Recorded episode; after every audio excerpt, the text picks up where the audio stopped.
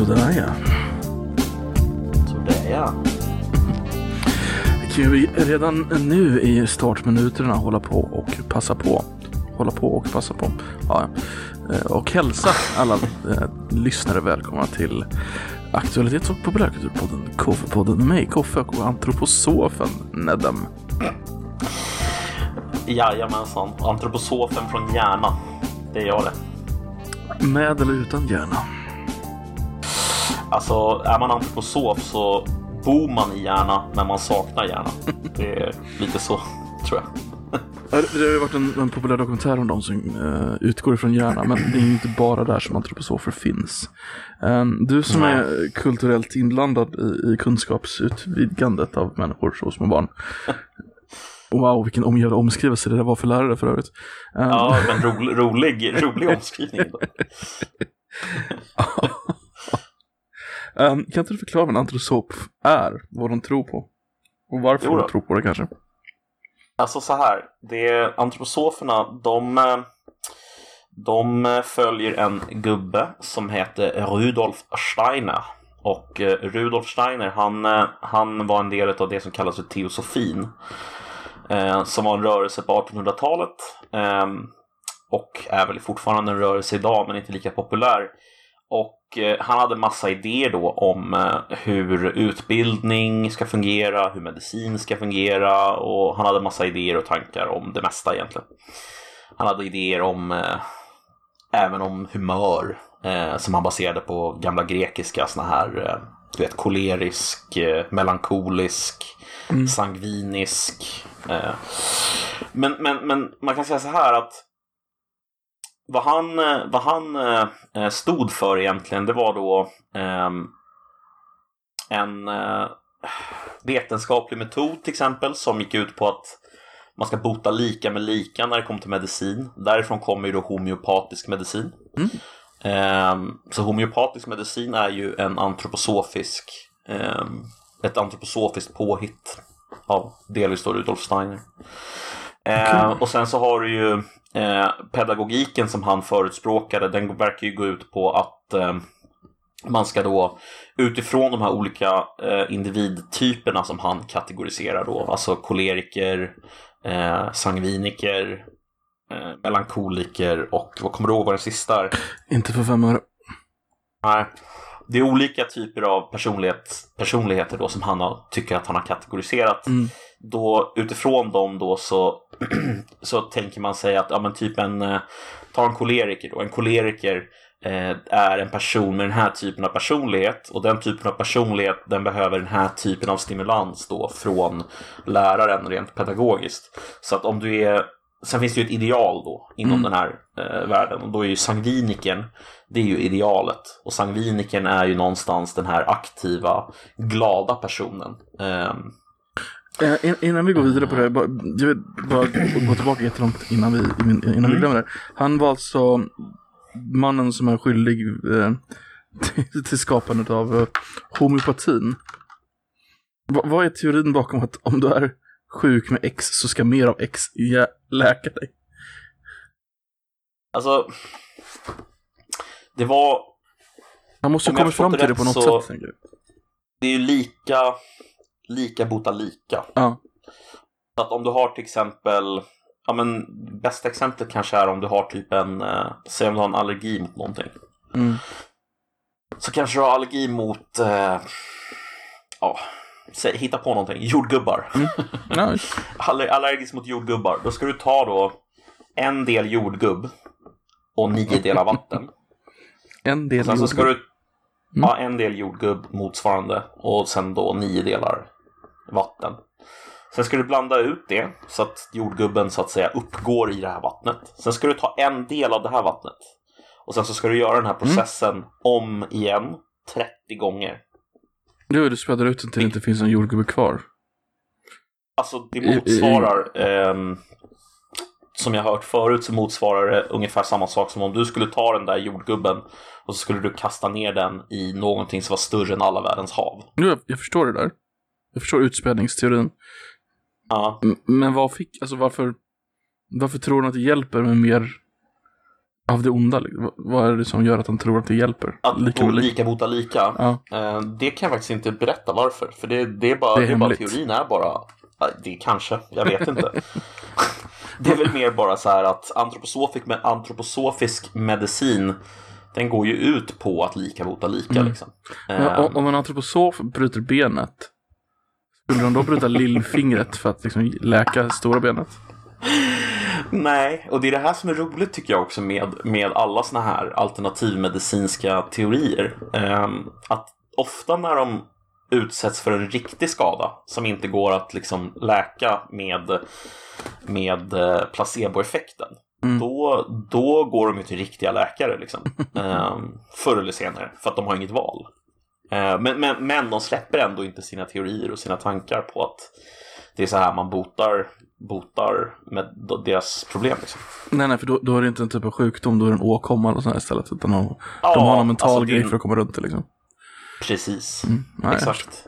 Men, men, Och jag men- menar om du Ja. kollar, ja, men jag tänkte säga det om du har kollat på dokumentären. Har du sett de här eh, danserna som de håller på med? Ja. Det är ju, Indiandansen, pelikandansen, ja men exakt, dödsdansen eh, eller vad fan den hette. fårdansen. Ah. Alla de här grejerna är ju såna här saker som ska liksom utifrån personlighetstyperna då. Så att om du är koleriker, ja men då är det bra om du dansar sån här, sån här dans och rör dig på det här Mm. sättet. Och, ja men om du är sangviniker, ja men då kanske det är bra om du får vara i fokus liksom för att du är redan, du har redan kommit så långt och ja men du vet.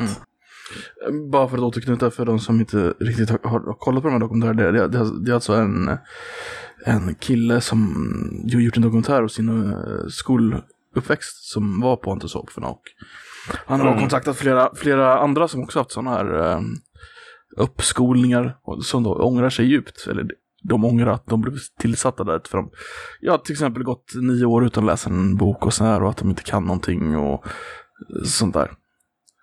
Det är alltså Mm. det som ju har fått det hela på tapeten idag. Barnen är ledsna och de vuxna tycker fortfarande det är bra. I, I grova drag. Mm. Men det jag tänkte på att det fanns, de säger att det finns olika, i, i, i liksom teorin bakom det hela så finns det olika personlig, personlighetstyper, människotyper Mm. som kräver olika typer av stimulans för att lära sig saker, eller hur? Mm. Men ändå så känns det som att allting är väldigt likriktat. Att det är liksom, alla på skolan ska göra samma sak samtidigt. Alla ska, nu, idag är det leka brännboll, idag är det det här. Liksom. Mm. Får inte du också den känslan när du kollar på dokumentären? Att alla gör samma sak liksom? Jo, absolut. Mm. Ehm, men jag, jag tror en annan, as- en annan liksom aspekt kanske på hela deras tänk är ju att alltså, Rudolf Steiner trodde ju på reinkarnation. Okej. Eh, jag vet inte om du såg det, men i slutet av andra dokumentären, alltså andra avsnittet, i slutet så börjar de ju prata om någon typ av skrämselgrej som de jobbade med, där de skrämde barnen. Ehm, De började liksom prata om det i förbifarten, Mm. typ så här att ja men eh, och då säger hon så här, ja men alla har ju våldtagit någon någon gång. säger då en av de här lärarna som är pensionerad. Och det är ju, vad hon menar är ju att, ja men eftersom alla har reinkarnerats om och om och om och om och om igen så har alla begått liksom alla brott. Ehm, och därav så är det liksom lämpligt eh, att utsätta eh, dessa då själar, för de ser det ju inte som Alltså de ser det ju som själ och ande liksom. Mm. Är du med? Mm, mm. eh, som är det riktiga jaget någonstans. Medans, medans det som du och jag ser, det vill säga stackars barn som blir utsatta för en utbildning som är helt jävla vansinnig. Det är ju bara ett skal. Ehm, ja, jag vet inte. Det, det... Nej, det var någonting som den där ledaren, han som inte, alltså de säger att de inte har ledare, men det var ju han, den där äldre mannen just som uppenbarligen var ledare, han säger ju att det var tortyr och ut, eh, påtvinga barn läsandet. Det kommer sen naturligt när de är 25. Mm. Oerhört fascinerande ståndpunkterna. Men det bottnar ju Ja. då i det där att de tror att det är en människa som har återuppfötts flera gånger så att det liksom kommer ut Det kommer av sig själv. Ja, det finns där inne liksom. Det viktiga nu är att leka. Det som jag blir väldigt upprörd på också, det är att en sån person som han har ju fått en väldigt, väldigt gedigen undervisning och utbildning. Bevisligen. Eh, han säger ju så här någonstans i förbifarten, alltså för det första så han talar ju ganska perfekt tyska till exempel. Det kommer ju från hans undervisning i barndomen. Ja, ja. Men sen så är det inte bara det utan han, han, eh, han ger ju uttryck för att det är meningslöst att lära sig att eh, till exempel då rabbla floder som han säger. Hallands älvar. Hallands älvar är det. Mm. Eh, Och det är så här- Viskan, Nitran, eh, Lagan. Och, och jag kan ju känna lite så här att de där teorierna och idéerna, de har ju inte bara haft genomslag inom antroposofernas idioti, utan även inom den skolgången som jag har fått gå, och antagligen du också. Absolut. För att alltså, jag, jag fick aldrig lära mig att memorera alla de här olika eh, floderna och landskapen Nej. och älvar. Och jag hade Mm. jättegärna haft den kunskapen idag. För att, Precis. eh, Det- det- I det- bakhuvudet bara.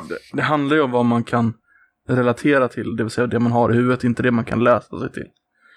Exakt. Jag Precis, så kan ju de där älvarna bara för att min mor kunde dem. Och det finns en sån här skolramsa. Vi ska Lagan, ni ska Älta. Tror jag den går. Så är det fyra floder. Mm. Viskan, Niskan. Eh, ja, jag kommer inte ihåg dem bara för det. Men den går något sådär. Eh, vi, vi, vi ska äta, ni ska laga. Så får man ut de fyra floderna på det sättet. Men man har, ju, man har ju inom svensk skola och uppenbarligen även då inom den här antroposofiska grenen så Mm. har man ju släppt, man har ju släppt mycket av de här faktakunskaperna. Absolut. Jag tror att till och med att Ehm. man har släppt ännu mer idag. Det tror jag med. Med tanke på att man kan ju bara googla det. Mm. Ja, det är ju argumentet. Så här, men Mm. vadå, varför ska man kunna det här om man bara kan googla det? Men det är precis som du säger ju, Mm. att det handlar ju om alltså, vad man har för, eh, för möjlighet till att göra, liksom, dra, dra sammanband mellan saker. Mm. Precis. Det är Baserat på den svärdsbild, kunskapen liksom, man faktiskt har. Exakt.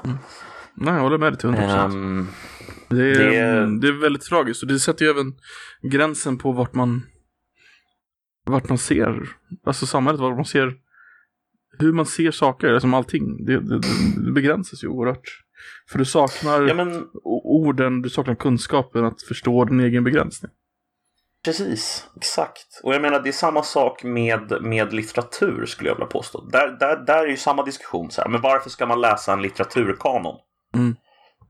Och då är ju svaret på den frågan från de människorna som inte tycker att man ska läsa en litteraturkanon. Det är ju så här, men varför ska du läsa alla de här stela gamla gubbarna?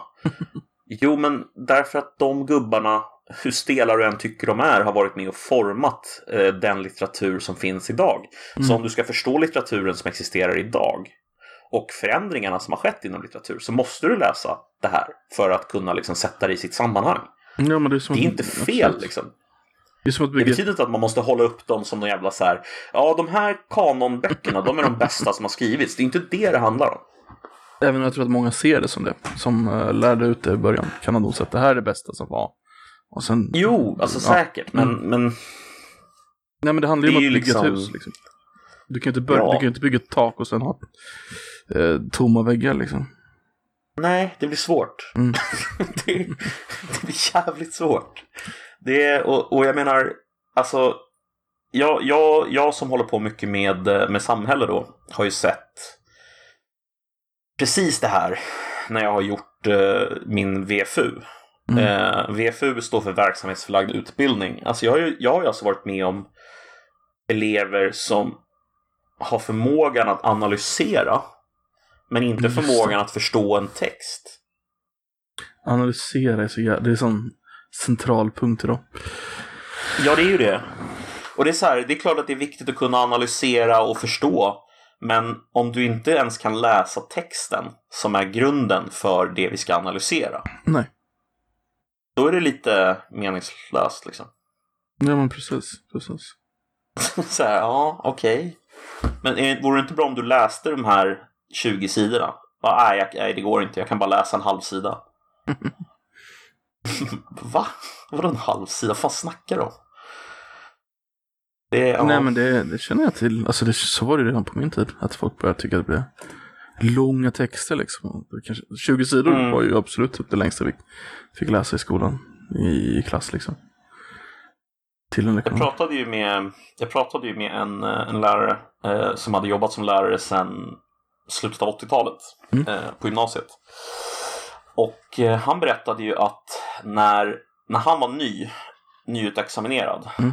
då klarade eleverna i trean eh, av att läsa eh, avhandlingar på, på universitetsnivå.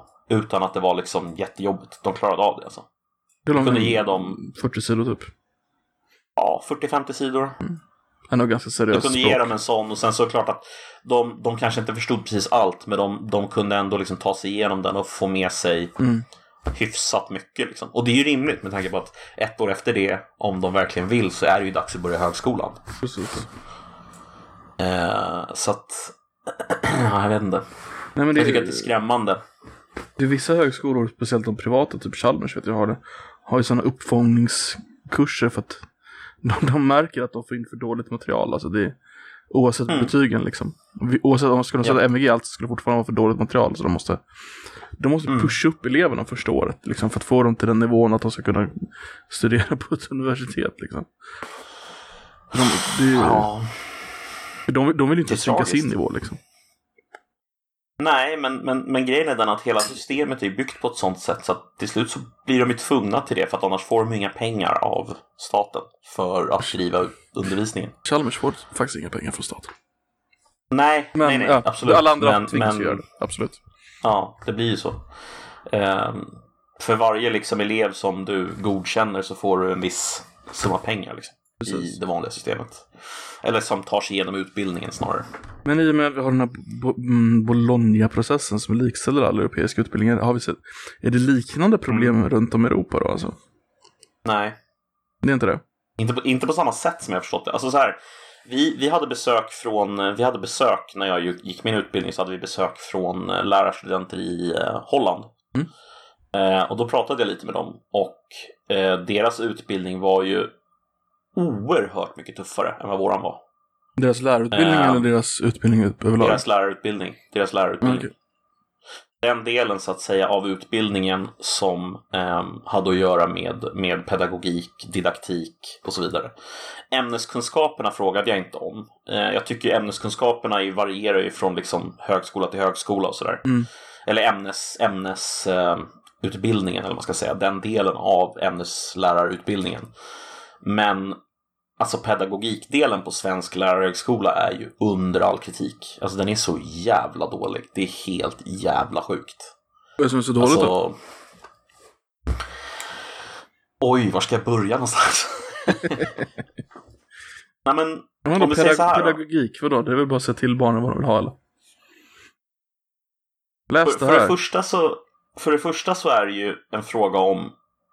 Alltså, läraryrket är ju ett praktiskt yrke och det är ett teoretiskt yrke. Det är ju både och, eller hur? Det vill säga, det är ett hantverk att lära ut. Det är inte någonting som du bara kan läsa dig till, utan det är något som kräver, som de kallar det då, beprövad erfarenhet. Det är det de är ute efter hela tiden. Beprövad erfarenhet och vetenskaplig eh, att det ska vila på vetenskaplig grund och beprövad erfarenhet. Det är så man uttrycker det hela tiden. Ehm, det är bara det att när de... Alltså vetenskaplig grund i det här fallet, det innebär att man får läsa eh, massa pedagogiska teorier eh, från liksom olika ja, teoretiker. Allt ifrån då kritisk pedagogik till eh, liksom den proximala utvecklingszonen med Vygotsky till John Dewey och hans teorier. Alltså, man går igenom massa olika liksom, utbildningsteoretiska ställningstaganden som har existerat. Behaviorismen eh, och så vidare och så vidare. Mm. Eh, men det är hela tiden uppenbart vilka som, vilket av de här perspektiven som är någonting som liksom, lärarutbildningen tycker var bra och någonting som man tycker var dåligt. Eh, ju, ju tydligare det är mot ett typiskt så här, kunskapsperspektiv, att de ska lära sig saker, ju sämre tycker man ju att det är. Och desto mer det går mot ett håll som är en kritik av rådande normer i samhället, ju bättre är det. Så att utbildningen fokuserar väldigt tydligt på en förmåga att reflektera kring ehm, normer. Eh, eh, att inte ta saker för givet som till exempel att samhället är eh, beskaffat på det sättet som det är. Det ska man till exempel lära sig att kritisera och liksom utsätta eleverna för den här kritiken så att de också kan se att liksom samhället så som det är beskaffat inte nödvändigtvis så som det måste vara. Eh, Vilket jag säger inte att det inte är viktigt men, men, men det, är inte, det kan inte vara hela Alltså fokuset ligger på det. Mm, Fokuset måste ligga, tror jag, på kunskapsproduktion snarare än den här väldigt, väldigt tydligt vänsterorienterade eh, analysen av samhället. Som har sin plats, absolut, men inte uteslutande nästan till fördel bara för det. Har du sin plats? Jag, alltså så här, om man ska diskutera, alltså inom samhällskunskap, om man ska diskutera till exempel samhällstyper. Mm. Så är det klart Ja, ja. att man kan diskutera dem utifrån ett kritiskt perspektiv och prata om till exempel så här, men det här är, så här fungerar ett kapitalistiskt samhälle och det får de här effekterna. Det kan man se på negativt på det här sättet, man kan se på det positivt på det här sättet. Men det ska man ju kunna göra för alla olika. Man ska ju kunna göra det för marxismen också. Liksom. Det är inte, alltså det är inte... Jag, jag tänkte mer på den här konstanta normkritiken. Vadan detta, var, varför, varför liksom? Ja, men det, det, jag håller med dig. Det, det, det, det, jag håller med dig. Alltså, Om vi bara pratar om normkritik så, så, så tycker jag ju någonstans att det rimliga med normkritiken och det orimliga med normkritiken. Om vi ska prata om det rimliga med normkritiken så kan det ju vara till exempel att ja, men det är klart att det är rimligt att säga åt folk att ja, om du inte vill eh, liksom leva på det här sättet som är det normala sättet som de flesta är på så, så är det inget problem. Du får vara hur du vill. Det är ju den rimliga delen av det. Men Alltså, den det är en- orimliga delen Det är ju inte normkritik, det är bara en, inte vad, så normkritik är ju typ att säga att det är fel att leva som majoriteten gör. Alltså det är ju kritik beror- av normen.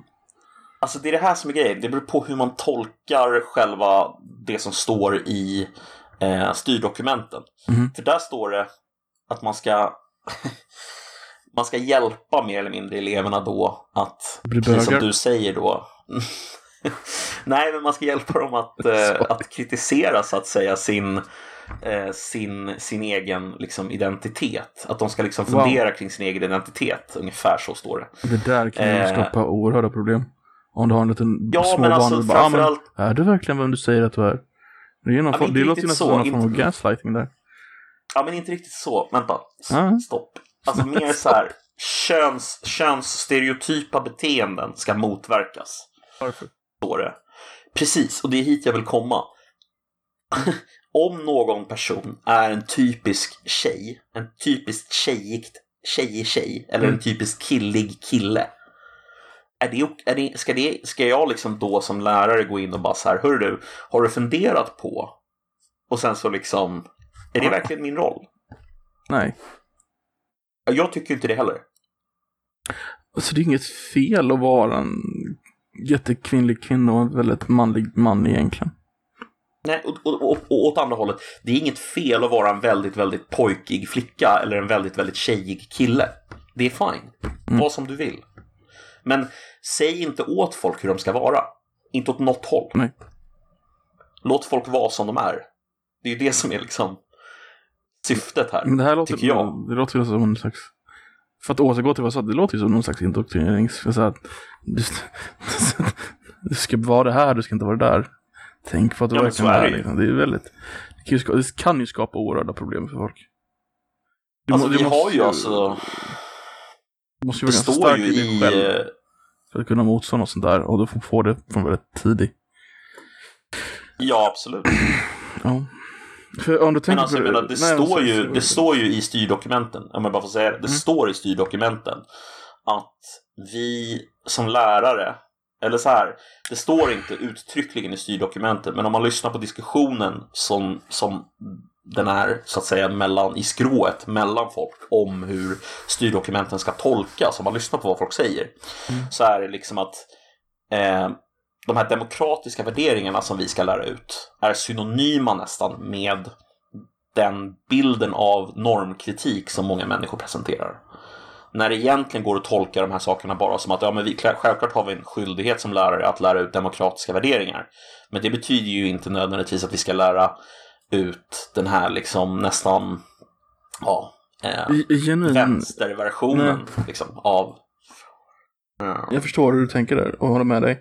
Men en genuin frå- fråga, som jag, alltså det här är inte menat att vara ehm, aggressiv eller motsträvig för sakens skull, utan varför har ni skyldighet att lära ut demokratin? Kan ni inte bara förklara de olika statsskicken och säga det här har vi? Varför måste ni just påpeka demokratin? Jag kan förklara det om du vill. Ja, absolut, det var lite Eh. därför jag frågade faktiskt. Nej, men så här är det att det som vi har i uppgift att skapa det är samhällsmedborgare som fungerar i ett demokratiskt samhälle. Mm. Det är så att säga en del av uppdraget. Att vi ska skapa medborgare som förstår liksom, ramarna för det demokratiska samhället och respekterar ramarna för det demokratiska samhället och vill leva i det demokratiska samhället. Man brukar kalla det för samhällskittet. Alltså så här att, man, att det ska finnas ett samhällskit. Att man Okej. ska liksom, det ska finnas gemensamma värderingar ungefär. Ehm, för det är ju det det handlar om. S- Det handlar ju om då att... sätter ni ramar för de värderingarna också på något sätt. Ja, exakt. Och de, de ramarna är ju i det här fallet då demokrati så som förstådd i en svensk Mm. kontext. Vad har ni mer för ramar? Så här, du får, då får ni liksom inte säga till en elev eh, Nej, du får inte vara antidemokrat. Då får du säga. Alltså jag får inte säga vad de, jag får inte säga vad de ska vara riktigt. Men jag får säga till dem så här att ja, så om man tycker så så då kanske man inte fungerar i de här, de här sammanhangen och liksom det får de här konsekvenserna och man måste sätta ner foten väldigt hårt ifall det är någon typ av ehm, någon typ av kränkning eller någon typ av men sen är det också en definitionsfråga vad en kränkning är. Är du med? Ja. Det är ju inte någonting man bara kan säga, "Ja, men jag, jag tycker att eh, homeopati är dumt. Fan, nu kränker du mig för jag tror på homeopati. Jaha, men och? Det skiter väl jag i. Jag tycker ändå att det är dumt. Jag struntar i vad du tycker. M- Men läraren Sen- har väl sen- ganska hård krav på sig inte att uttala någon i eh, politiskt parti i alla fall. Får de inte uttala sig. Eh, nej, det kravet finns inte. Det finns inte, så ni får säga... eh, Det- man ska ju du, inte du, göra du, det. Du kan ju inte ha en lektion som, där du liksom har massa niondeklassare bara "Ah, Moderaterna är bäst, här är varför. Nej, nej, nej. Alltså, jag skulle aldrig göra så, men, men alltså, Men skulle du ty- tydligen kunna få göra det? så inte på det sättet. Hur skulle du få göra det? Jag skulle kunna göra det på det här sättet. Ja, alltså om man tittar här på de olika ekonomiska teorierna som används inom till exempel nationalekonomin så ser vi ju här att den ekonomin som bygger på eh, monetarismen fungerar mycket bättre än den som bygger på keynesianismen. Så skulle jag kunna göra det. Mm. Men så ska man ju verkligen inte göra. Men så gör ju många lärare. Mm. Alltså det blir tydligt att de har en preferens. Att de tycker att någonting är bättre än någonting annat. Det går ju liksom inte att komma ifrån att man tycker någonting. Men alltså Mm. min, min egna upplevelse är att det är uppenbart att vissa lärare har väldigt starka åsikter i många frågor och att de, eh, att de ger uttryck för dem i sin undervisning ibland. Sen är det klart att det är omöjligt att vara helt neutral. Men, men alltså Mm. det, man ska ju ändå sträva åt det hållet. Det står ju ändå liksom att, att undervisningen ska bygga på beprövad erfarenhet och vetenskaplig grund. Barn är ju väldigt smarta. Alltså smartare än vi tänker. Alltså de ser ju Mm. mönstren väldigt lätt. Ja, Alltså att jag tänker att om de, ett barn som ser, det är egentligen två delar, men vi kan ta den första. Um, alltså ett barn som ser att ens lärare har den här, alltså barn kan ju vara upp till högstadiet tänker jag då. Som ser att en lärare har en viss ideologisk preferens kan ju vinkla sina inlämningar för att få ett bättre betyg. Det låter ju jättegenomtänkt men det är ju så man gör. Ja, precis. Mm. Det är, alltså det, och, och det är det här också som leder till att de här analys... ehm, så här, om man analyserar och drar slutsatser och du vet inlämningsuppgifter som är skriv tio sidor om det här. Mm. De uppgifterna blir mycket mer ett liksom play to your crowd än det blir Mm. eh, ett, en förmåga att visa vad du faktiskt kan. Alltså det, det säger ju sig självt att, att det kommer ha påverkan eh, vad läraren har för åsikter. Alltså tyvärr. Mm. Eh, det här har jag ju upplevt massor med gånger på högskolan, alltså i högskolenivå också. Liksom, att Mm. Du kan ju inte uttrycka ehm, en kritisk åsikt om någonting som alla eh, uppfattar som positivt. Ehm, det går liksom inte. Nej, då, då blir Alltså- det ju... Jag upptäckte det på min egen högskola, eller eh, att jag hade en, en, vad fan heter det, lektor, heter det Nej, ja. Mm. En Jo, som- lektor. en kvinna som ingen kunde relatera till, men så fort jag förstod vad hon ville ha så blev jag liksom Mm. klassens guldgosse i hennes ögon. För jag, förstod, Mm. för jag förstod vad hon ville ha och då var- tog hon alltid upp mig som exempel liksom. Ja men du, du kan ju säga något om det här. Jag bara bla bla bla. Exakt vad hon ville ha. Sen så insåg jag att en, Ja. annan, en annan lärare, en lektor, han ville alltid att man skulle använda hans ordval om allting. Alltså även om han, han kunde säga jag kommer inte på ett bra exempel så här, men whatever liksom. Istället, om han sa ekonominismen istället för ekonomi. Så sa man ekonomi själv. Så ah, kan du komma Ja, på ett annat exempel? ekonomismen? Ekonominismen. Ja, just det. Ja, just, ja, den, den är viktig. Den är... Mm. Så då, det, det är ju bara vinklade till hur de vill ha det liksom. Det, det- och för att man själv vill klara kursen, för att man själv vill ha betyget. Så vinklar man inte Det det. är klart. Det är samma sak, jag, jag kollar på någon jävla SVT Nyheter för ett jävla tag sedan och så var de i någon, det var någon sån här, under Pride-veckan så var de i någon skola liksom. Så Mm. intervjuade de något barn bara, ja vad tycker du om kärlek då? Ja, jag tycker, ty, tycker att man ska få älska vem man vill oavsett vem man är. Någon, någon sexåring, och det är ju typiskt liksom. Det är ju inte så man... Mm. Ja, ja, visst. Det är ju, det är ju inlärt. Ja, liksom. precis. Det är inte så du skulle svara som sexåring egentligen. Du bara liksom, vad tycker du om kärlek? Du skulle tycka, ja men Nej. Pelle, Pelle är söt. Eller, eller Lisa, Precis, whatever. Exakt. Ja, exakt. Nej men alltså jag håller med dig. Mm. Det, det, det, det är ju liksom en slags, alltså man får ju med sig inte bara då eh, en liksom kunskapsgrund eh, utan man får ju med sig en ideologisk grund också i Mm, skolan precis. och i grundskola och gymnasie och sådär. Men är det oundvikligt? Och ja, det är oundvikligt. Men det behöver inte nödvändigtvis vara så att man eh, lutar sig in i det. Utan Mm. tvärtom, man skulle kunna luta bakåt och försöka att vara så objektiv som det går. Eh, därför att deras, ofta är argumentet är ofta så här, ja men vadå, det går inte att vara eh, eh, objektiv. Så det är ingen idé att försöka. Det är bättre att ta Mm. ställning för någonting. För att om man inte gör det så kommer man ändå att liksom eh, man kommer ändå att eh, driva på då diskursen som man så vackert säger i en riktning. Det, går- det går inte att Eh, vara och neutralt så det är bättre vi fyller det tomrummet än att någon annan gör det. Ungefär så, ja. Okej. Precis. Mm. Ja. Och någonstans är det fel tycker jag för att även om det är så att man kanske inte kan vara helt neutral så kan man ändå göra eh, ett försök att vara så neutral som det går att vara. Mm. Eh, Man kan ändå jobba i den riktningen hela tiden, att man försöker att vara neutral. Eh, Men kollar du på kritisk pedagogik som exempel, som, som vi har fått lära oss, eh, inte kanske som en aktiv, jätteaktiv del i undervisningen, men vi har gått igenom många sådana teoretiker, så är ju deras syfte är ju inte att vara neutrala. Deras syfte är ju att förändra världen. Mm. Och bygger ju på Marx liksom. Nej, alltså jag skojar inte ens. Alltså det, Nej, nej. det bygger på en snubbe som heter Paulo Freire. En brasilianare som eh, Mm. eh, var marxist och som utgick från kritisk teori. Och det bygger i sin tur på marxismen. Så att det är ju liksom Var han munk? Paulo Freire. Mm. Nej, han var inte munk tror jag. Det betyder Han väl broder någon- på tyska och sådär. Ja, det kanske det gör ja. Freire, fra, fra.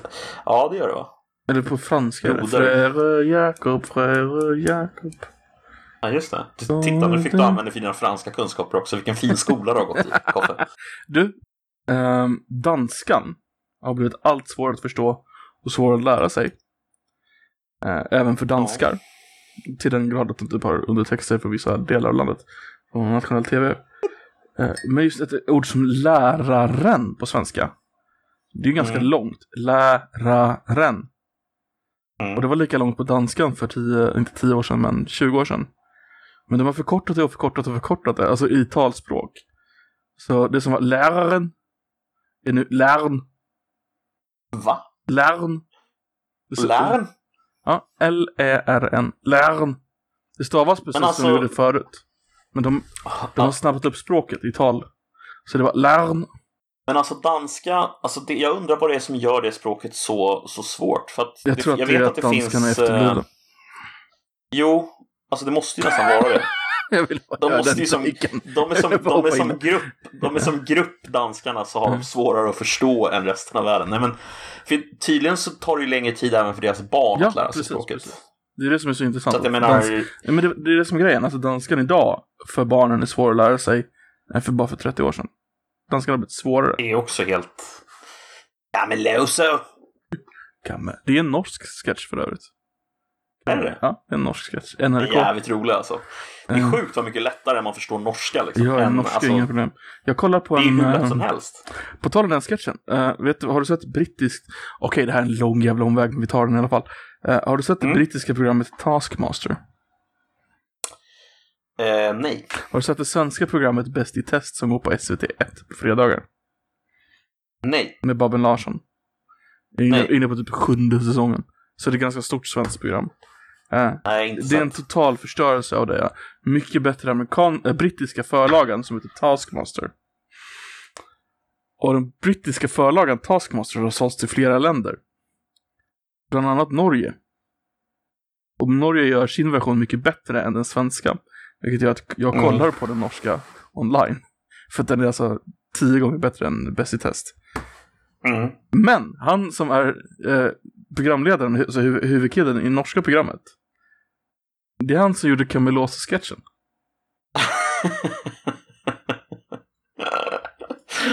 Vad roligt. Camelosa. Ja, men lösa. Så jävla underbar. Ja. Men alltså. Det, Du har ja. inte sett, om, om inte du har sett Taskmaster så skulle jag vilja tipsa dig om Jag bara känner igen, alltså jag känner igen namnet. Taskmaster. Alltså ty, tyvärr, bäst i, alltså det skulle vara jättekul att göra en svensk version, för det skulle gå. Men Bäst i test är liksom inte... De har typ tagit grunden, men inte liksom det som är bra i grunden, utan... Det funkar fortfarande Mm. okej, men det är inte liksom klockrent som Taskmaster. Jag vet att ett program jag gillade, ett brittiskt sånt där underhållningsprogram, det är det här QI, eller vad det heter. Mm, det går ju Eh, fortfarande. Det är jävligt kul. Mm. Då bytte ju eh, programledare men- för typ 20 år sedan. Det här känns ju som en sån här grej som jag inte är säker på att man skulle kunna göra i Sverige. Ehm, QI. jag vet inte vilka... QI, ja, ja men Mm. vilka... se- Det, hitta du, några... du, du, du. Det gick en svensk version av QI också. Gjorde det? Yes. Eh, Jag kommer inte Vil, vilka tog... eh, jag kommer inte ihåg vad det hette, men han som, kommer du ihåg Hipp Hipp? Eh, Skåningar. Ja, fast jag kollade aldrig på det, men jag vet att det fanns, ja. Jag vet inte vilka personer som var med tyvärr. Åh men gud. Anders Jansson och Johan Wester. Jo, men jo, jo, jo, och de de pratar ungefär är. Ja, sådär som jag pratade där. Ehm, jo. svenska för nybörjare. Är inte det för övrigt de som var med och gjorde den där om eurytmi? Eurytmi? Ja, alltså inom Waldorfskolan så har du ju eurytmi. Du vet det här när man går runt och så dansar och såna här saker. De, de har gjort en sketch när de åker och testar på eurytmi. Jag tror inte det är de. Jag tror det är de. Men det kanske inte är. Du tänker på de Sök andra två. på YouTube. Ja, i alla fall. De gjorde den svenska versionen av QI. Som hette Intresseklubben. Och det gick i fem år. Var det kul då? Nej. För det känns ju som att Alltså- alltså, en, en stor anledning till att det var så bra QI, det var ju på grund av att programledaren var så uppenbart, alltså han kan ju så mycket. Och det blir Fry, intressant att lyssna på honom med. Ja, Stephen Fry, exakt. Ja, han är lite som Meja. Han är väldigt fantastisk.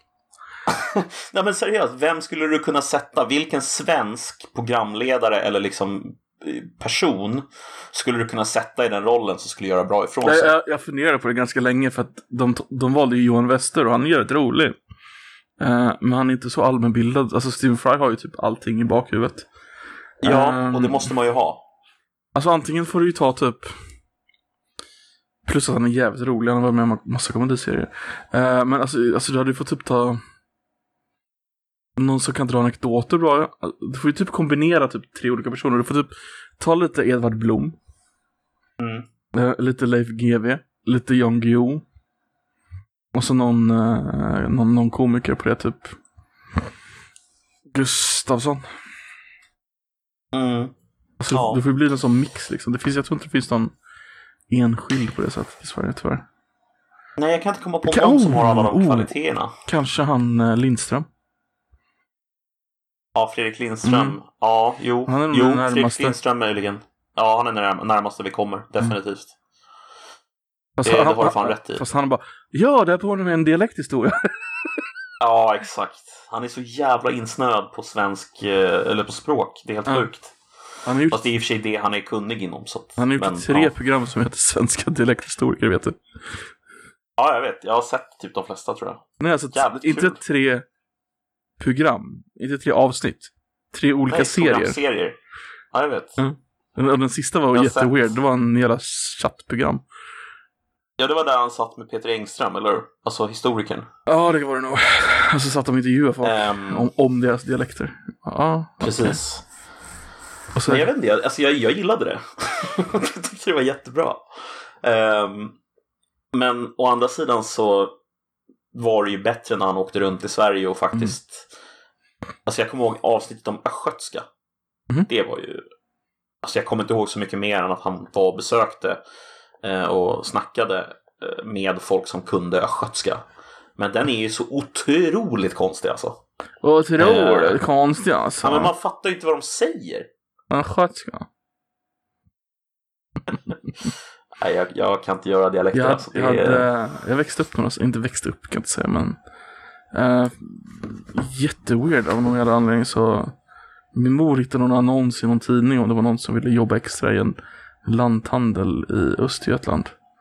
På typ hela okay. sommaren. Eller någon vecka eller någon månad i sommar, vad fan det var. Så mm. jag var i Östergötland och jobbade extra på en lanthandel där flera somrar i rad. Ah, okej. Okay. På... Så du, le du levde, they, you lived among them? Precis, I lived among them. Men det var jättemysigt. Jag var ute på bland, bland skärgården där och vi hade ett litet café. Eh, vi hade en lanthandel, vi hade kajakuthyrning och en liten, liten, liten, liten camping. Ja, oh, nice. Ja, men det var, det, det var vad man kan kalla svensk idyll kan jag säga det.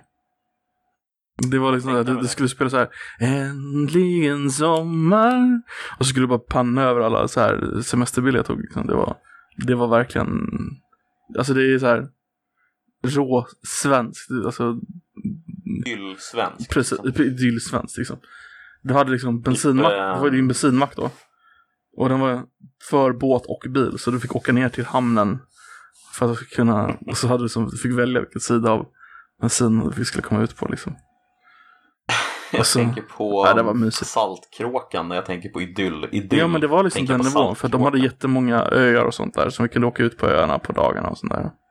Eller på kvällen om vi ville det. Vi hade ju motorbåtar vi kunde hyra ut. Och, och var det ingen som hyrde dem så kunde vi ta en kvällstur på dem liksom. Åka ut och fiska mm. liksom. Så hade jag en polare i samma ålder som bodde där då. Ja. Så, sorry, jag blev lite, jag blev lite så här nostalgisk och började, tänka, tänka tillbaka lite.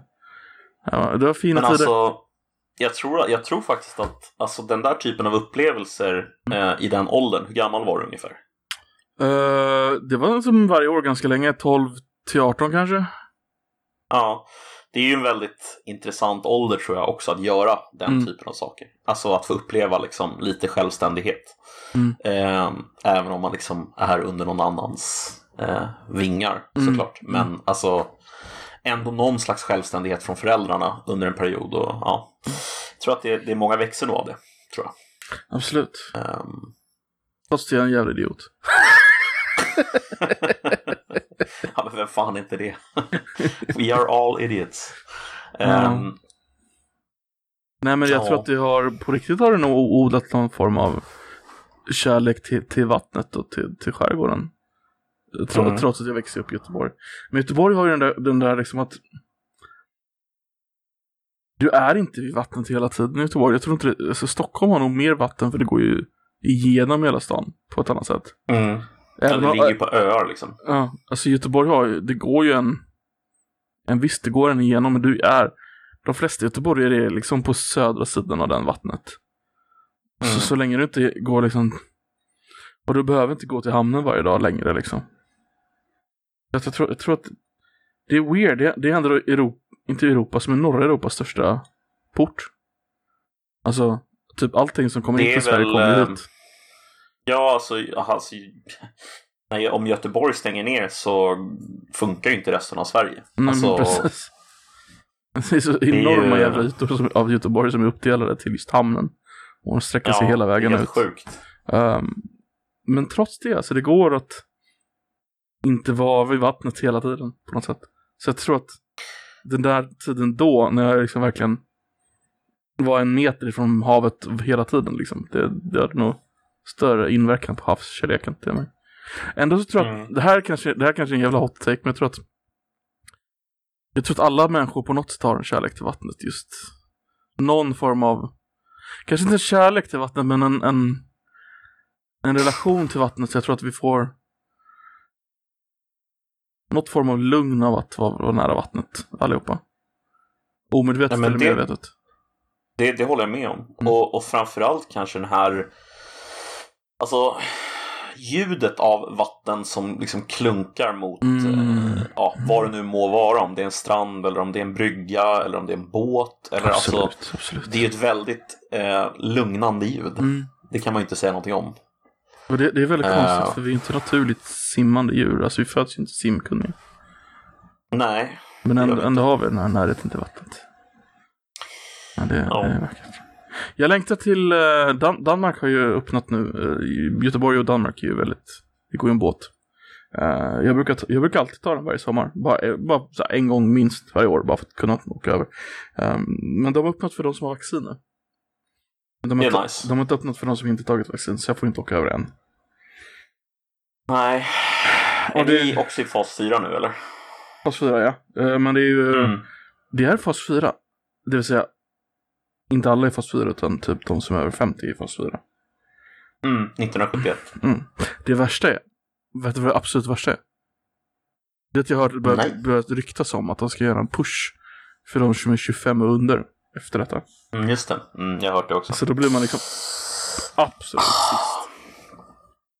Ja, det känns sådär Det faktiskt. känns som en jävla bestraffning liksom. Ja. För de som är absolut Eh. yngast, de går ju ut ändå liksom. Ja, och det är ju därför som de menar att Ja, eh, de måste ha vaccinet. För att de lyssnar inte på råden liksom. Nej, och då känns det ju som en bestraffning för oss som lyssnat på råden. Och ändå vill ut. Ja. Men samtidigt. Alltså jag, jag ska inte vara sån, men jag gick ut på krogen ganska ofta när jag kunde. Innan corona. Ja, exakt. Ja, men alltså jag menar, kunna gå ut och ta en bärs med polarna, det känns ju liksom ganska... Eh, det hade ju varit kul. det hade ju varit roligt. Mm. Kanske man hade, hade kunnat fått göra.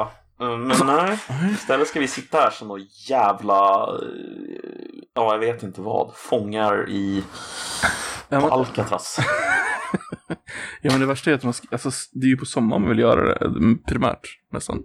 ja, det är klart. Så nu, eh, man pushade ända till september eller sånt där. Och då har man liksom hunnit börja jobba igen och du har ju börjat jobba på skolan och allting liksom. Mm. Mm. Så att, eh, Jävla värdelöst. Ja. Vi säger så här att de personerna som får gå före i kön, de, eh, de är skit, de är skit under min sko. Jävla snorungar. jag tänkte att du skulle säga, er. ja, nej, så här, lågstadiementalitet. uh, ja, det är Men eh, fan inte okej. apropå, apropå någonting annat. ehm, har du noterat att eh, våra kära, Vilken underbar övergång, apropå något annat. apropå något annat, Paolo Roberto, back in the news. Back in the news, back in action. Ja, ja, Äntligen. exakt ett år efter han var borta. Blir fälld eh, för att ha knullat runt. Eh, så är han tillbaka i rampljuset med dubbla intervjuer. Japp. I, Japp. i både, eh, jag höll på att säga Charlotte Perrellis, men vad heter han? Navid Nazari. Navid Modiri va? Nej, just det, så, så heter han i eh, Hur kan vi? Och det är ju en ganska Ja. stor podd. Och sen var han med i den andra podden som jag inte kommer ihåg namnet på. Eh, mm. Den heter så mycket som. Den podden heter så mycket som. Sista måltiden. Den, har inte jag hört talas om innan, om jag ska vara ärlig. Um, Alltså jag, jag har lyssnat lite på den. Ehm, Mm. Och jag kan säga så här att Har- har du lyssnat på- behåll... Lyssna på den med Paolo eller bara lyssna på podden överlag? Nej, jag har bara lyssnat på podden. Okej. Ehm, men det är relevant för att det, det har blivit en diskussion på Twitter. Jag vet inte om du har sett det. Ehm, alltid diskussion men- på Twitter. Det är alltid diskussion på Twitter, men du vet, eh, det finns ett konto som heter Husplattarnas riksförening. Har du sett det kontot? Det är Det är så jävla kul. Det kontot är ju någon av snubbarna som driver den där podden som styr då. Ehm, Husfattarnas riksförening.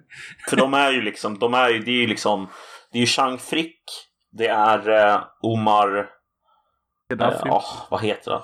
Vad sa du? Gaddafi. Gaddafi. Nej men alla är ju från Mellanöstern i alla fall. Mm. Ehm, Afghanistan och ja. Och därför kallar de sitt Twitterkonto då för eh, Husplattarnas riksförbund. Eh, tror de jag det är därför. Och sen så just... Nej, de flesta av dem är ju inte religiösa. Det är någon som är... Jag tror, jag tror han som gjort med Jens Ganman, vad heter han? Och det vet jag inte Eh. alls. Jag vet inte ens om... Jag vet Ja, knappt spelar roll. Men jag, han, han tror jag har, eh, han är muslim tror jag. Och sen så är det någon som är ateist. Någon som har eldat upp en koran eh, för att få stanna i Sverige. Det är ju Hanif Azizi kanske han heter. Eller Ja, där. Nej, o- Omar Makram heter han. Omar Makram. Mm. Eh, men det jag ville komma fram till var att den stora behållningen med deras podd Jag, jag måste bara är fråga... ju Chang Frick. Jaha. Jag ville bara påpeka att jag frågade eftersom deras logga är bokstavligen den här Jesusbilden, sista måltiden. Jaha, nej, alltså de, alltså jag tror de har diskuterat religion någon gång i podden som jag lyssnade på och de tycker ju olika, alltså allihopa. Nej, nej. Men, eh, men det, det som är liksom, som sagt, det som är behållningen med den, med den podden, Mm. det är Chang Frick. För att Chang Frick är ett jävla troll. eh, och det roliga var då att, eller roliga, men Twitter-diskussionen som blev då, det var att de hade ju med Paolo Roberto. Mm. Och då var det någon som skrev så här, hur kan, för en av dem är ju aktiv polis. Eh, hur kan en aktiv polis sitta i en eh, podcast och skratta när Paolo Roberto går igenom eh, sina liksom eh, ja, sina, sin, sin prostitutionshistoria eh, liksom. Mm. Men grejen är den att han gjorde ju inte det. Det var Chang Frick som skrattade. För Chang Frick är ett troll. Och det är Ja, hela Chang, Chang Fricks grej liksom. Han har alltid varit så. Det är, hans Det är hans grej. Ja, det är absolut. Ehm, Allt för att få Men, liksom upp, eh, upp, eh, uppståndelse liksom. ja, han, är upp, han är en uppviglare. och Ja. det är så här, Ja. men, men, men samtidigt så det blir så jävla tragiskt att de ska liksom eh, guilt by association. Alltså han skrattade därför är du en hemsk människa som satt där bredvid och inte sa någonting till honom. Så här. Men, Ja, det, men alltså, på snälla. något sätt, alltså en polis kan väl sitta bredvid någon som har dömts för något och har avtjänat sitt straff. Ja, Typ, borde man ju tycka. Nu har inte jag lyssnat på avsnittet, men de är ju väldigt kritiska sägs det mot Paolo. Förutom då möjligen Chang Frick då. Men jag, de får väl ha olika åsikter, eller? jag har inga rätt till åsikter. Jag har inte lyssnat på det, men jag har lyssnat på Hur kan vi? Med Paolo Roberto. Ja. Det jag gjort. Eh, och då är det ju bara två personer. Så det är lite mer intimt. Då är det lite mer förlåtande av naturen. Mm. Men han, eh, man märker ju att Paolo är ledsen. Och, I alla fall. Men han går lite i cirklar. Han, han har sina punkter som han kommer tillbaka till. Typ att han är, han är, katolik, det- han, han är katolik och han är... Folk måste förstå den här förståelsekulturen inom... Förlåtelsekulturen inom katolicismen, det är det han lever på. Så. Förlåtelse. Alltså, han har ju liksom... Han kommer ju aldrig bli förlåten av det gänget Nej, nej. som hatar honom. Nej, nej, men det, det säger han inte att han kommer bli. Eller han säger, han säger att han vet att han inte kommer bli förlåten av de extremfeministerna. Som man kallar det. Mm. Att, han, Mm. ja, det är ganska intressant, han går faktiskt in på feminismen. Om, man- han- Navid frågar honom om han har lärt sig någonting under det här året. Mm. Så bara, äh, politiskt då eller? Nej, bara rent allmänt. Ja, jag kommer aldrig, alltså jag är ju det jag är. Jag kan inte härma Paolo. Jag kan inte, jag kan inte. Är bara framförallt den stockholmska, Han är stockholmare. en Ja. italiensk brytning. Nej, han är så här, Nej, han är bara en typisk, alltså så här. Han växte ju upp, som jag har förstått det, så, så var ju han med på platt, eller vad, Ja. plattan, vad säger jag, i Kungsträdgården och alltså han var ju en av de där grabbarna. Han pratar ju lite, han har lite det här. sna- Han, han var ju kung i Kungsa. Ja, han var ju, ja, det var en annan snubbe egentligen, men, men eh, han tog på sig den rollen som att det var han, men det var inte han. Det är så. Uh, Mm, nu har du inside Det- information här. Mhm. Berätta mer, berätta mer. Om du vågar. Nej, men man har ju hört, alltså man har ju hört under åren så har man ju hört lite om de här grejerna som pågick alltså på den tiden i just Kungsträdgården. Okej. Och det var ju, alltså han var ju där och han var ju aktiv och slog folk och eh, misshandlade folk och till och med några ska han ha till och med påstås det nästan torterat. Mm. Ehm, men eh, kungen av Kungsan ska ha varit en annan snubbe än han. Det ska inte ha varit Paolo. Mm, Eh. Men det här är ju bara, alltså du får ta det här för vad det är, alltså, det är Ja, ju ja. bara anekdoter. Jag har ju hört det här bara någonstans men, men som jag har förstått det så, så tog han bara på sig den titeln men det var en annan snubbe egentligen som det handlade om. Alltså vill du, vill du påtvinga dig lite respekt så är det en bra titel ha. Men eh, Ja, ganska. för att återknyta, alltså det var en intressant intervju ändå. Alltså det, var, det är ju intressant att se vad som går i huvudet på en människa som har blivit eh, cancelled, får man väl ändå kalla det. Ja. Uh, Nordea tog tydligen avstånd från honom, hans bank. Vilket jag trodde, inte trodde skulle hända. Va? Mm. Va? Mm. Alltså vadå, så han, han fick inte vara kund hos Nordea längre? Precis, och de drog, drog in någonting. Uh, han hade någon, något lån så här i, i, i, na, i sitt namn mot ett företag. Ett av hans företag då hade Ja. ett lån i hans namn. Ehm, det företaget kickade ut honom för han var inte majoritetsägare. Men lånet stod fortfarande i hans namn. Så Nordea påtvingade en indragning av lånet. Varpå han då förlorade flera miljoner bara rakt av. För att Nordea ville ta avstånd från honom.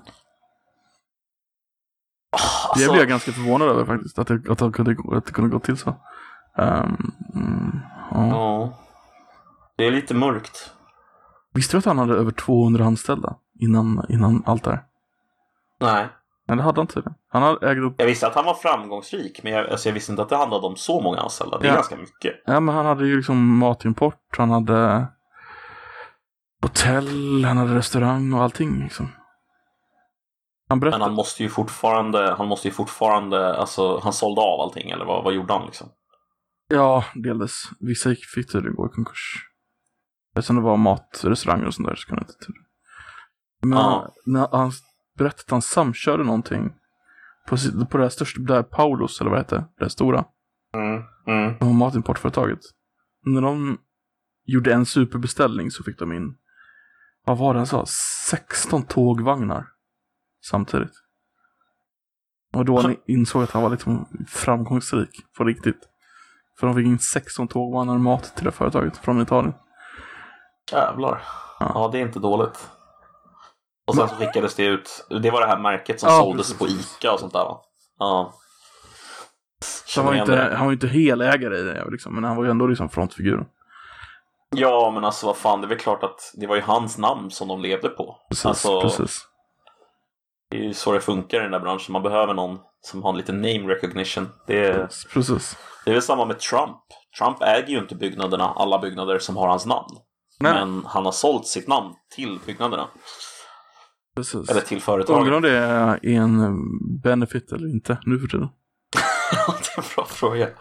Så jag vet inte. Alltså han känns ändå som att han är så oerhört känd så att liksom även om folk hatar honom så...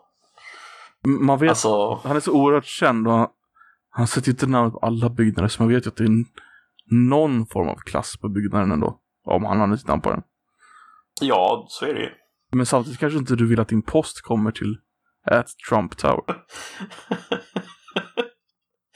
Nej, men alltså, ja. Så det är ett Jag, jag, vet, inte, jag, är så fr- jag är så fruktansvärt trött på alltså den här, du vet, eh, eh, inte associeras med kulturen, vad man nu ska kalla den för.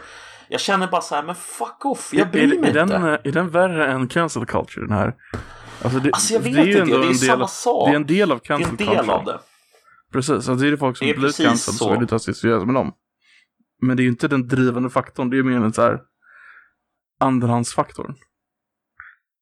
Ja, men jag, jag vet inte, jag kan känna lite så här, ja men folk, folk blir upprörda och sådär. Men jag, och Mm. jag kan bara känna så här, de personerna som hamnar i sådana situationer där de ska sättas dit för att de liksom eh, har, ja men eh, som exempel, du vet vem Glenn Greenwald är? Mm. Journalisten.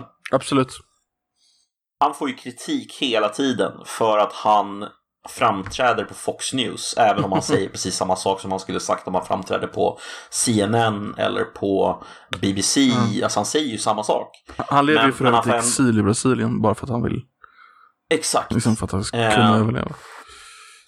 Och han, han får ju kritik eh, bara för att han liksom framträder i ett sammanhang som folk tycker är problematiskt. Och där kan jag ju någonstans känna så här att personer som han gör ju rätt. Alltså Mm. han specifikt. För han säger ju bara som jag skiter i vad ni tycker. Mm. Det är det man Men ska han har säga tycker jag. lite tjänat den liksom att du kan ju inte... Ja, alltså, men han bara kör. Fuck off, jag bryr mig inte. Ni Mm. får väl tycka vad fan ni vill. Jag ställer upp i vilket jävla program jag vill.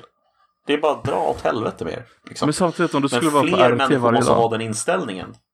Jo, men jo, visst. Om du var på RT varje dag och inget annat. Men om du fortfarande sa de sakerna du skulle säga på en annan nyhetskanal, vad är problemet? Ja men RT tar, Alltså, om du verkligen bara in säger samma säger sak. det de vill att du ska säga. Ja, ehm, Ja, men, om, men jo, jo, men så är det ju. Alltså, alltså jag köper det. Men, men, men samtidigt är det liksom, om du tar en person som Greenwald till exempel. Han har starka åsikter, väldigt specifika oerhört. åsikter. Absolut. Extremt tydliga liksom. Och han tycker ju samma sak oavsett vilket program han, han framträder på. Mm. Om han då är på RT eller om han är på fucking Sputnik. Alltså, det spelar inte så stor roll. Men däremot... Sa eh, Sputnik. Ja. De hade en svensk kanal och sände på svenska. Ah, shit, Det var så jävla galet. Ja, det var helt stört. Det var helt sjukt. Det var typ Men- ett år eller två år de höll på bara på Sverige, men det var så bra. Men, men förstår du vad jag är ute efter med det här att liksom de... Absolut, absolut. Alltså- jag förstår vad du för. Folk- måste fan vara lite jävla lite fuck off kapital ibland. Men jag skiter i vad ni tycker. Tyck så då. Jag gör som jag vill i alla fall. Men har inte det. Alltså det är, vi är sociala varelser. Ja. Tyvärr. Men det finns en gräns också för... Ja, jag inte, jag Alltså, vi, vi är lite kokande grodor också. Först är inte det okej, Mm. sen är inte det okej, sen är inte det. Så man bara okej, okej, okej, okej, okej. Så länge det inte, Ja. det, alltså det får inte bli... Vad ska man ta för, alltså... Ja, kokande grodan. Du, du kan den, refer- den referensen. Ja, ja, absolut. Det är ju så alltså. Det som är okej nu. Hade vi för typ 100 år, 50 år sedan. Hade, vi, då hade ju folk gjort revolution liksom. Men så är det bara, ah, men lite steg, lite steg, lite steg, lite steg, lite steg. Ja, Jo, men- man köper, för man köper det lilla steget, man köper inte det stora paketet. Nej, så är det ju. Men jag tycker Mm. någonstans att man måste ha en förmåga liksom att stå för det man tycker i, i större Mm, grad. mm. Eh, speciellt när man är en publik person som många av de här människorna är. Alltså, alla vet ju redan vad de tycker. Det är väl ingen som, det är väl ingen som tror på de där jävla pudlarna liksom. Det är ju bara ett sätt för dem att eh, vad ska man säga, visa att de är undergivna som de jävla hundar typ. Ja, absolut, absolut. Ehm, Ja, jag ber om ursäkt. Jag skulle, inte ha, jag, jag skulle ha tänkt efter både en och två gånger innan jag ställde upp i det här programmet. Bara... Åh, nej, Tänker du skulle någon bara speciell sagt åt dem som... Nej, faktiskt inte. Eh, Glenn Greenwald är den jag har i huvudet. Som... Men, men alltså, det finns ju många exempel Ja, på det här. Det är det. Jag menar, som exemplet där med Paolo Roberto då, att, han sitter där som polis och Paolo Roberto är med. Ja, vad gör det då? Sänder det fel signaler? Jag tycker Ah, det är en ganska bra signal egentligen att en, att en polis kan umgås med någon som är straffad och om de har känt av straffet. Liksom. Ja, och jag menar, alltså det, ah, är, det var så jävla tröttsam logik och retorik. Det är så tröttsamt. Nej men seriöst, det är väl bra om poliser umgås med för detta brottslingar. Och liksom för in dem på samhällsplanen. Så Det är möjligt, men alltså jag känner, jag känner inte ens att det är relevant huruvida det Alltså jag känner mer så här, då, han ska bara be dem håll, dra åt helvete. Jo, jo, överlag absolut. absolut. Men bara fuck off. Jag skiter i vad ni tycker. Tyck så då. Kuksugare. Fan, jag blir arg när jag tänker på sånt där. jag, jag förstår exakt hur du tänker och håller med dig. Men jag tycker just det där är liksom så här. Den motsatsen till vad de säger är till och med bättre än vad de vill ha själva. Så det går ju ganska, Jo. just det exemplet. Men jag förstår, jag förstår Jo, den jag- jag övergripande poängen du absolut, vill göra. absolut. absolut. Alltså jag köper din poäng också. Det är klart att skulle man liksom ge sig in i så här diskussionen om huruvida det är bättre eller sämre om poliser kan tänkas att liksom sitta i samma rum som en, som en, eh, en före detta brottsling. Ja, det är Mm. klart att det är bättre att de kan göra det. Det håller jag ju med om. Mm. Men jag tycker också det är så här, alltså det är lite irrelevant för det, det de borde kunna göra är bara säga så här, men du får tycka vad fan du vill och jag kommer göra precis som jag vill. Och bara liksom så här, ja men tyck det då. Mm. Det bara en känsla av så här, upp med liksom fingrarna, fuck off. Tyck som ni vill, jag tycker som jag vill. Jag, jag sitter och funderar på det här med, med, med Paolo Roberto fortfarande. Han har ju Mm. avtjänat sitt straff, alltså rent juridiskt. Han är ju en Mm. fri man. Men det, det är ju... Han har ju ett större samhällsansvar, vad ska jag kalla det? Sam, samhällsstraff.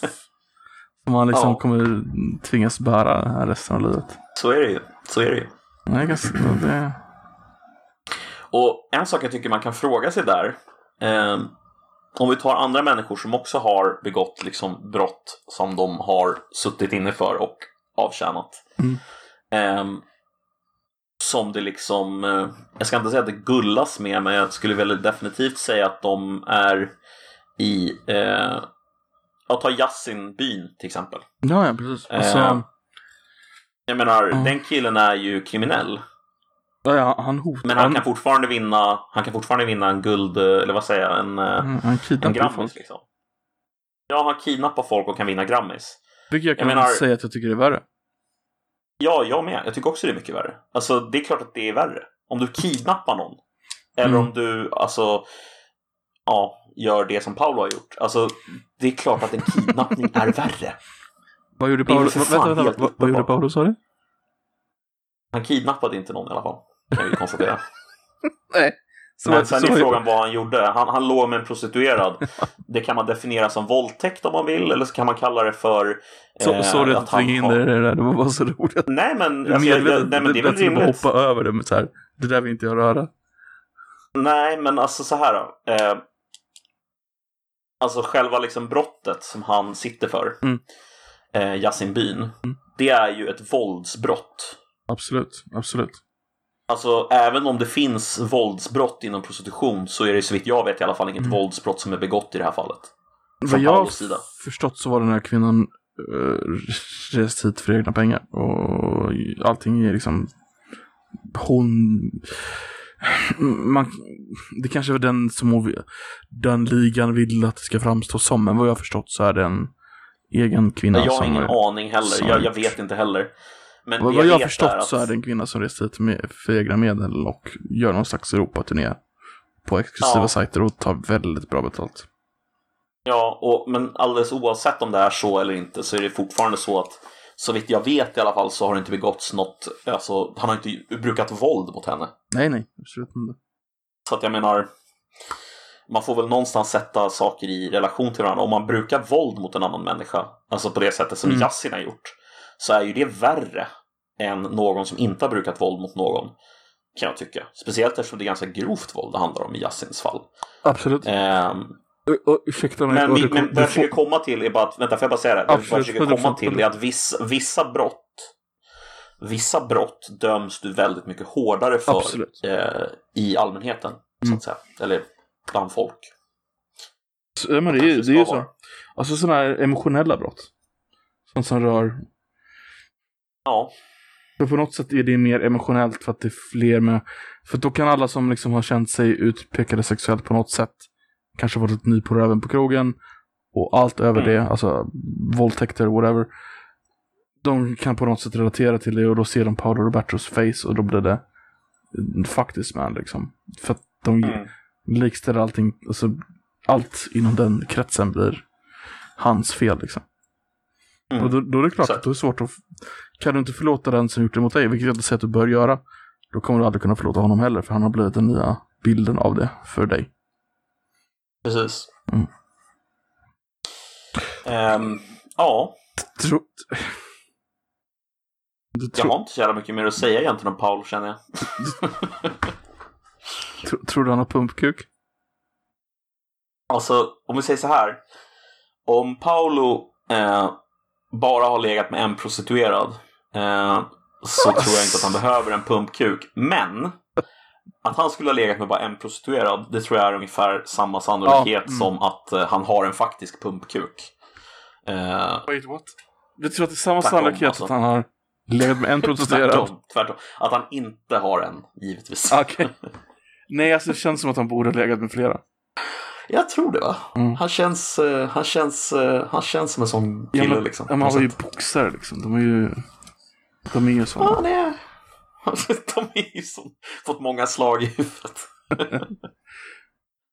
Ja. Har du hört det där citatet från eh, Mike Tyson? Everyone has a plan until they get punched in the face. Så jävla bra. alltså. Everyone has a plan until they get punched in the face. Det är sant. Det är det sant. ligger någonting i det. Ja, för jag kan tänka mig att många boxare liksom gick in med en plan just mot honom. För att han var ju the shit liksom. Så här ska jag sen ska jag så, sen ska jag så. Så bara punch in the face. Boom. Då släpper allting. Bara kom den. Ja jävlar alltså. Mike Tyson alltså. Fy fan. Jag eh, tänkte jag skulle köra ett outro om du tar någonting emot det. Uh, jag vill lägga till en grej innan outrot. Om det är okej? Okay? Absolut. Yes, självklart. Jävla mongo alltså. och det ska vara så här. Och sen så någonting mer. um, det här har varit Koffepodden med mig, Nedden, och som alltid Koffe den uh, store. Uh, och uh, ni har lyssnat på Koffepodden. Tack för att ni har lyssnat. Ha det bra. Hej! Ha det gött. Hej!